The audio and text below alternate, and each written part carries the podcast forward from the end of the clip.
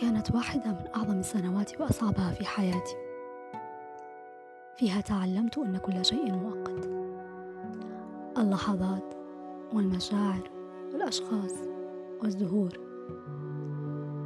تعلمت أن الحب هو أن تمنح كل شيء وتدعه يجرحك تعلمت أن اللين دائما هو الاختيار الصحيح. لأنه من السهل أن تكون قاسيا.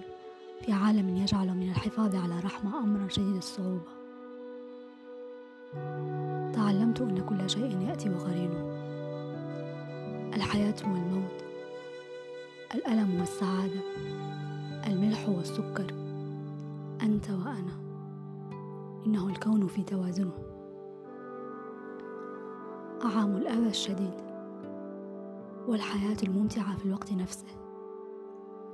عام اكتساب أصدقاء من خانة الغرباء وإزاحة من كانوا أصدقاء إلى الخانة نفسها. عام معرفة أن آيس كريم النعناع بالشوكولاتة سوف يصلح تقريبا كل شيء وأن الألم لا مكان له طالما بقيت أذرع الأمهات. علينا أن نتعلم كيف نركز دائما على الطاقة الدافئة أن نغمس أطرافنا فيها ونصبح عشاقا أفضل للعالم. لأننا إن لم نتعلم كيف نكون ألطف مع بعضنا. كيف لنا أن نترفق بالمواضع الأشد ضعفا من أنفسنا؟